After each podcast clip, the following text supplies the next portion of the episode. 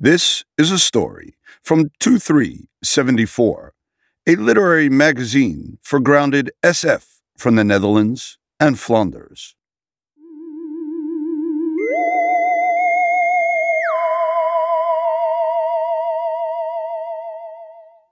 Jur E.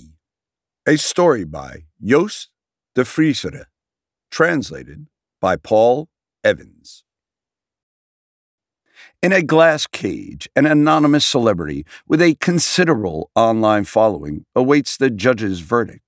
A global audience consisting of millions votes guilty or not guilty through an app similar to Facebook. Peering at a screen settled just outside his cage, the celebrity tracks the vote's developments. The verdict is decided by majority rule. Will his popularity be enough to win over the people? And what crime has he committed? The prison guard studies me from behind the glass. He looks pale and sad. Not like he's seen a ghost, but like he's locked in a room filled with the spirits of all the loved ones that have been taken from him over the years. I notice his upper lip is quivering, and I ask him if there's anything the matter. Or has he got a problem with me? And then, softly, because it seems this second question has disconcerted him even more, is there anything that I can do for him? He hesitates, first casts a furtive, almost embarrassed glance at his female colleague, and then nods in my direction. He takes something black from his back pocket. It's a notebook, a moleskin, for passing fancies, where against their better judgment, losers keep jotting down the dreams they've already given up on, a bearer of illusions and delusions and good ideas too, sometimes. Even if my guard doesn't seem like the sort of man who, in what I guess are the 45 years he has behind him, has had one brilliant idea. One moment of enlightenment that could give his life a new twist. His whole bearing suggests hate towards life that feels just like a dead end job in which he can't settle down and with no chance of promotion. There are stars and there are worms, and he's a worm, a lowlife. The star, that's me, without a single doubt, and definitely today. The jailer edges closer and despairingly scratches his red goatee, straightens his guard's uniform, and slips the notebook, together with a black felt tip, cautiously through the hatch in the glass. In his watery eyes, you can see respect. Not for the suspect in the white overalls, but for the entertainer, for the man who coaxes a laugh from him, probably every time that he has to stay home on a dead Saturday night with a kid who bears his name but isn't his. And while the woman, who according to City Hall is his spouse, does unimaginable things with friends and strangers on rancid sofas in poorly lit locations, often with a camera pointed at her naked body. If he could have an autograph for his little daughter, he whispers through the intercom. He looks at me in a way that only a fan can. A follower a serf. I ask the worm what her name is, the fruit of another man's loins. Dolores, he says.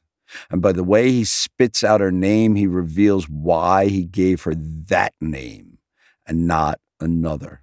I recognize a man who would rather have remained childless when I see one, a father against his will. How old is she? I want to know as I open the leather cover of the notebook and take in the address for honest finders that is written on the first page. Then I leaf through it until I come to a blank page and scribble my name in big strokes on the thick paper. Six, he answers. I say she might be too young to be exposed to a foul mouthed comic like me. He lowers his head, caught out as he is, and a blush appears on his ashen skin that gives his face a sickly purple sheen. I grin and slide the notebook through the glass towards him. I say, I hope he'll enjoy it. As he examines his booty, he stammers a thank you. I ask the other guard if she wants an autograph too, that I'd love to give her one. No trouble, that I'm here now anyway, even if not for long. The woman, who's twice as wide as her colleague, with her black curls pulled back in a bun, snorts her indignation, brusquely shakes her head no, and gestures to the grass projected onto the glass. That it's over and out, she smirks. The woman who, since escorting me from the cell to the glass room this morning, hasn't missed one chance to show how much she despises me. She hisses how people today can get away with so much, but not with taking a human life. He was a father of four, she says, the man who died by my hand and by my feet and by my knees and the telephoto lens of his own camera and a stake I tugged out of the pavement to smash his fake face in with I continue in my thoughts.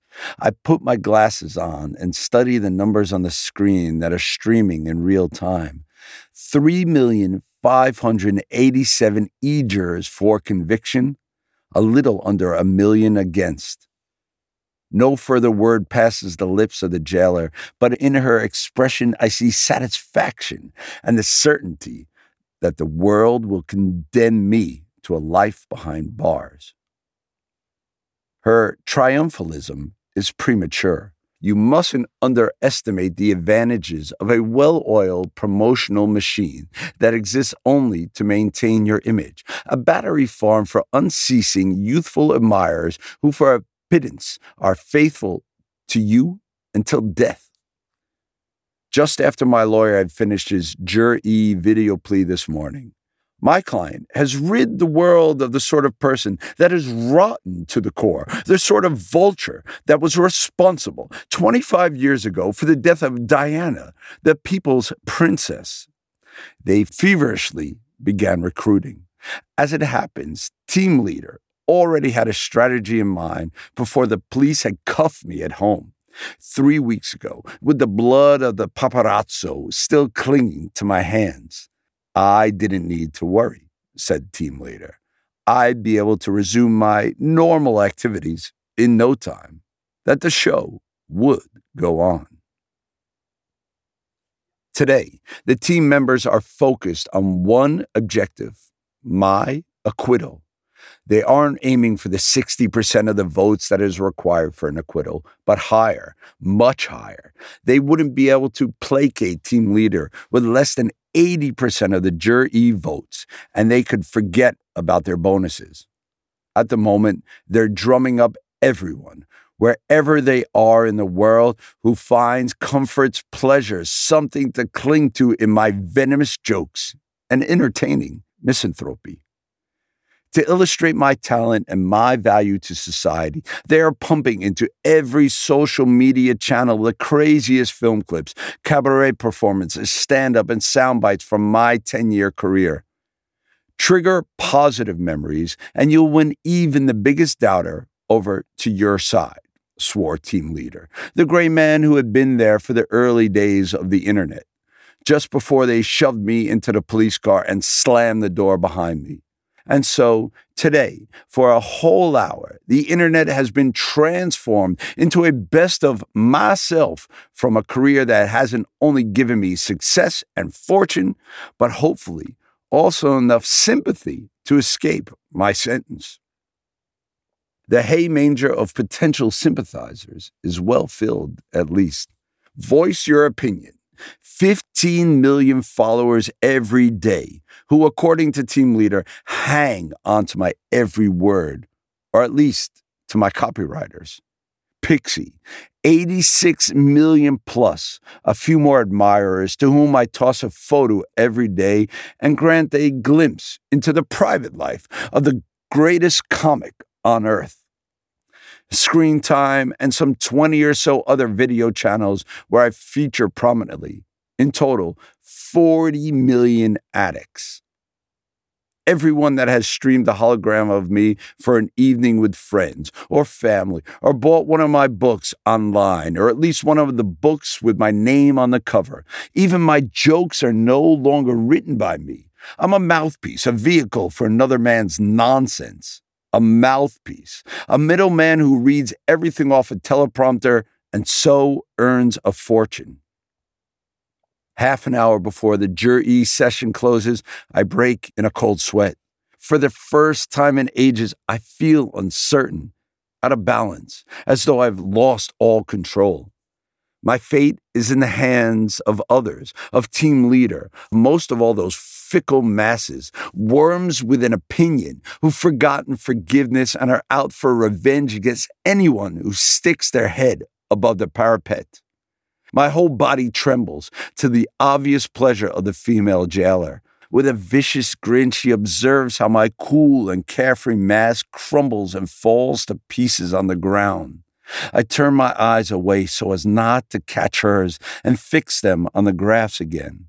The numbers on the screen feed my unease. The pro sentencing voters still have a big majority. In a flash, I see what's waiting for me a cell with two beds, one which is occupied by a four time killer. Three fellers with bodies like boulders who jump me in the shower, and then to get stabbed some 20 times by a man who asks me to make up a new joke on the spot and gets pissed off when I'm not able to, rasping as I slip away in a pool of dark blood. 15 minutes before the close of the jury session, while I'm still thinking about what music team leader will choose for my funeral. The votes against sentencing begin to stream in. Within three minutes, the blue column of the right hand graph on the screen is towering high above the red one on the left. The odds have turned shortly before jury case KDL 30932 goes offline.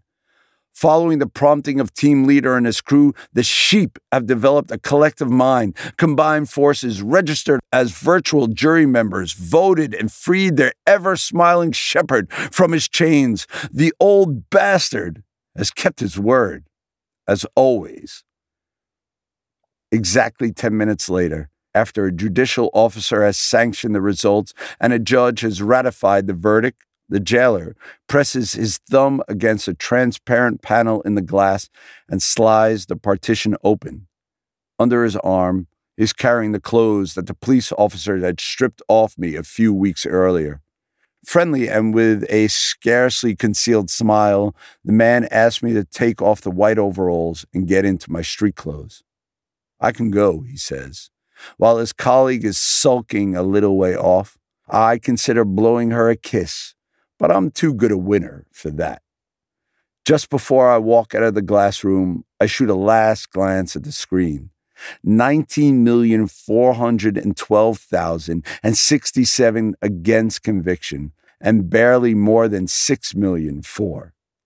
The new justice has been dispensed. The system works for those that are loved enough to be able to control the people's fury, at least not for the drunk who puts another barfly into a wheelchair after a bar fight has gotten out of hand, or the taxi driver who mows down a child on the street in a distracted moment, or the woman who gets molested by a colleague every week and is eventually raped, but who can't get a hearing anywhere, so takes the law into her own hands. And certainly not for the politician who slashes budgets for healthcare, but is caught siphoning government funds and backhanders bribes to an exotic tax paradise. Jur E works for people like me, for people who make others laugh, dance, sing, and feel drunk with pleasure.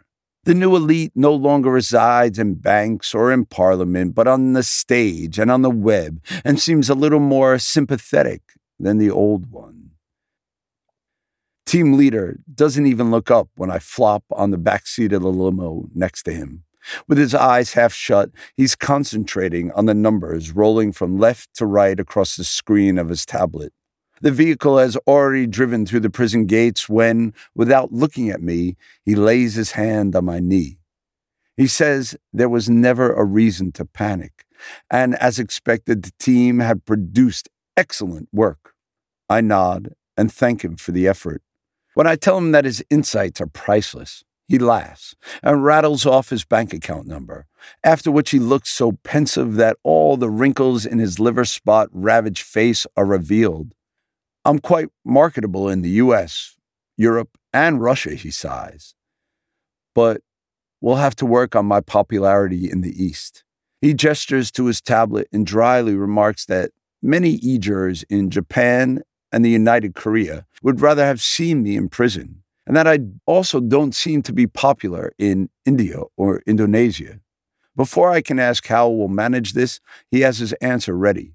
More hologram appearances, he says, and now and then an acte présence in the flesh and pixie photos with local dignitaries and stars, and take more account of cultural sensitivities. I interrupt his summation and ask him how much I can get away with now that Jur E is here where the boundary of acceptability lies, when the e-jurors will give up on me and let me be locked up. For the first time since I've been sitting in the limo, team leader looks at me. He grins his cold blue eyes deep into mine, and he reassures me that, given my popularity, I can go through life more or less with impunity. That at the moment, there's little, maybe even nothing, that I can do that the E-jurors wouldn't turn a blind eye to. But fame fades as swiftly as an autumn flower, he added, and prison is full of people who incorrectly calculated their sell by date. He asked me what my plans are, but I've already turned my face away. Dolores is the only one I'm still thinking about. Liberty Street, 45 according to the worm's notebook, where the boundary lies waiting.